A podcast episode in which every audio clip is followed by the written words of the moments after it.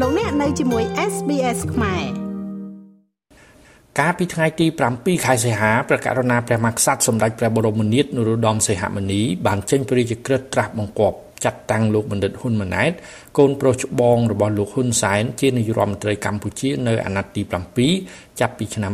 2023ដល់ឆ្នាំ2028ក្នុងព្រះរាជក្រឹត្យព្រះមហាក្សត្រក៏បានត្រាស់បង្គាប់ឲ្យលោកបណ្ឌិតហ៊ុនម៉ាណែតរៀបចំសមាជិកគណៈរដ្ឋមន្ត្រីថ្មីដើម្បីដាក់ជូនរដ្ឋសភាប្រជុំអនុម័តនាពេលខាងមុខ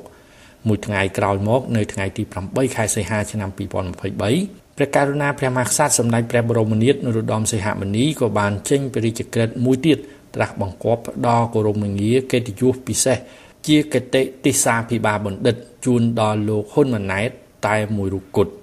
ការតែងតាំងលោកហ៊ុនម៉ាណែតរួមទាំងការផ្ដល់គោរមងារខាងលើនេះធ្វើឡើងតាមលិខិតក្រាបបង្គំទូថ្វាយរបស់លោកហ៊ុនសែនជាឪពុកនៅប្រលប់ថ្ងៃទី8ខែសីហាឆ្នាំ2023 Telegram Channel របស់លោកបណ្ឌិតហ៊ុនម៉ាណែត នាយករដ្ឋមន្ត្រីថ្មីរបស់កម្ពុជាបានផ្សព្វផ្សាយនៅអត្ថន័យនៃគោរមងារកិត្តិទិសាភិបាលបណ្ឌិត ដែលមានសេចក្តីថាអ្នកមានចំណេះដឹងជ្រៅជ្រះនិងឆ្លៀសវៃដែលដឹកនាំគ្រប់គ្រងរក្សាប្រទេសឲ្យមានភាពថ្កុំថ្កើងរុងរឿងចំពោះការតែងតាំងលោកហ៊ុនម៉ាណែតជានាយករដ្ឋមន្ត្រីថ្មីរបស់កម្ពុជាសម្រាប់អាណត្តិថ្មីរយៈពេល5ឆ្នាំចាប់ពីឆ្នាំ2023ដល់ឆ្នាំ2028ត្រូវបានប្រជាពលរដ្ឋនិងបញ្ញវន្តខ្មែរនៅភ្នំពេញ លើកឡើងយ៉ាងដូចនេះថា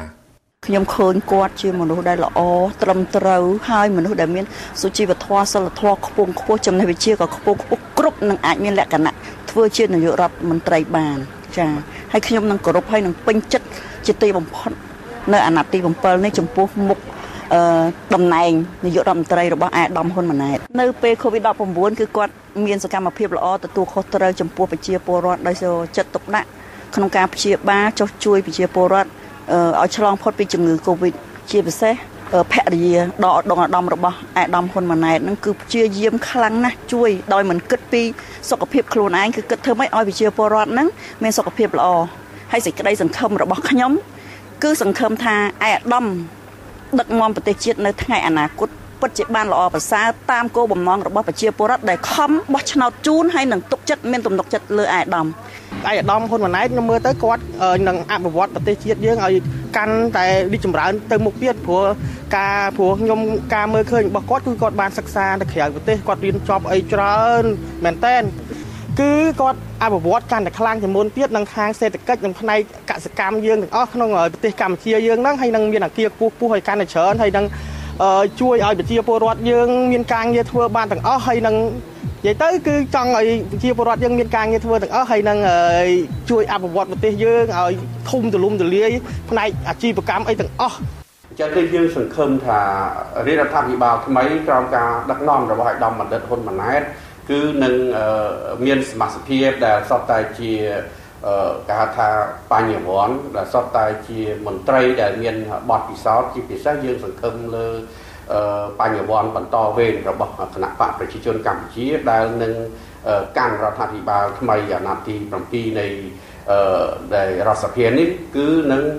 មានប្រសិទ្ធភាពនិងមានស័ក្តិសិទ្ធិភាពផលិតភាពសរុបទៅខ្ញុំអាចនិយាយដោយសុខចិត្តនិយមថាបើសិនជាសមាជិក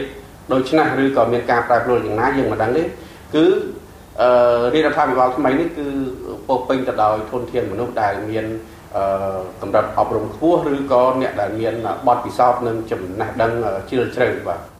កើតនៅថ្ងៃទី20ខែតុលាឆ្នាំ1977លោកហ៊ុនម៉ាណែតជាកូនប្រុសច្បងរបស់លោកហ៊ុនសែនលោកបានរៀនចប់សាលាបណ្ឌិតយោធា West Point របស់សហរដ្ឋអាមេរិកនិងចប់ថ្នាក់អនុបណ្ឌិតសេដ្ឋកិច្ចនៅញូវយ៉កសហរដ្ឋអាមេរិកហើយបានបញ្ចប់ថ្នាក់បណ្ឌិតសេដ្ឋកិច្ចនៅប្រទេសអង់គ្លេសក្នុងជួរកងទ័ពលោកហ៊ុនម៉ាណែត ជានាយឧត្តមសេនីយ៍ផ្កាយមាស4និងជាអគ្គមេបញ្ជាការរងកងទ័ពព្រមទាំងជាអគ្គមេបញ្ជាការកងទ័ពជើងគោក ក្នុងការបោះឆ្នោតកាលពីថ្ងៃទី23ខែកក្កដាឆ្នាំ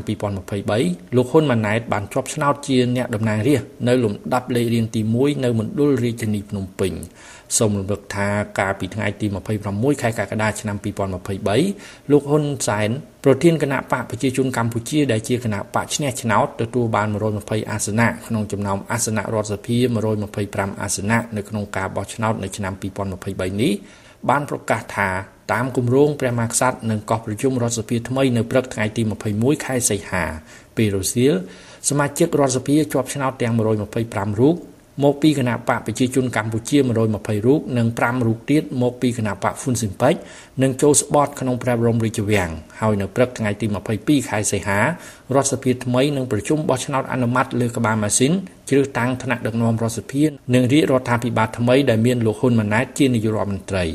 ពលគឺរាជរដ្ឋាភិបាលថ្មីក្រោមការដឹកនាំរបស់លោកហ៊ុនម៉ាណែតនឹងចេញរូបរាងផ្លូវការនៅថ្ងៃទី22ខែសីហាឆ្នាំ2023យ៉ាងណាក៏ដោយលោកហ៊ុនសែនដែលបានកាន់តំណែងជានាយករដ្ឋមន្ត្រីកម្ពុជាជាង38ឆ្នាំគិតចាប់តាំងពីថ្ងៃទី14ខែមករាឆ្នាំ1985 នឹងនៅតែបន្តជាអ្នកក្តោបក្តាប់អំណាចដ៏មានឥទ្ធិពលរបស់កម្ពុជាដដែលពោគឺលោកនៅតែជាប្រធានគណៈបកប្រជាជនកម្ពុជាដែលជាគណៈបកកាន់អំណាចជាអ្នកតំណាងរាជមណ្ឌលខេត្តកណ្ដាលនិងធ្វើជាប្រធានឧត្តមប្រឹក្សាព្រះមហាក្សត្រ ហើយនៅក្រៅការបោះឆ្នោតប្រសិទ្ធិនៅក្នុងប្រទេសកម្ពុជានាខែកុម្ភៈឆ្នាំ2024លោកហ៊ុនសែននឹងទៅកាន់តំណែងជាប្រធានប្រសិទ្ធិដែលនឹងក្លាយជាប្រមុខរដ្ឋស្ដីទី នៅពេលដែលព្រះមហាក្សត្រយាងទៅក្រៅប្រទេស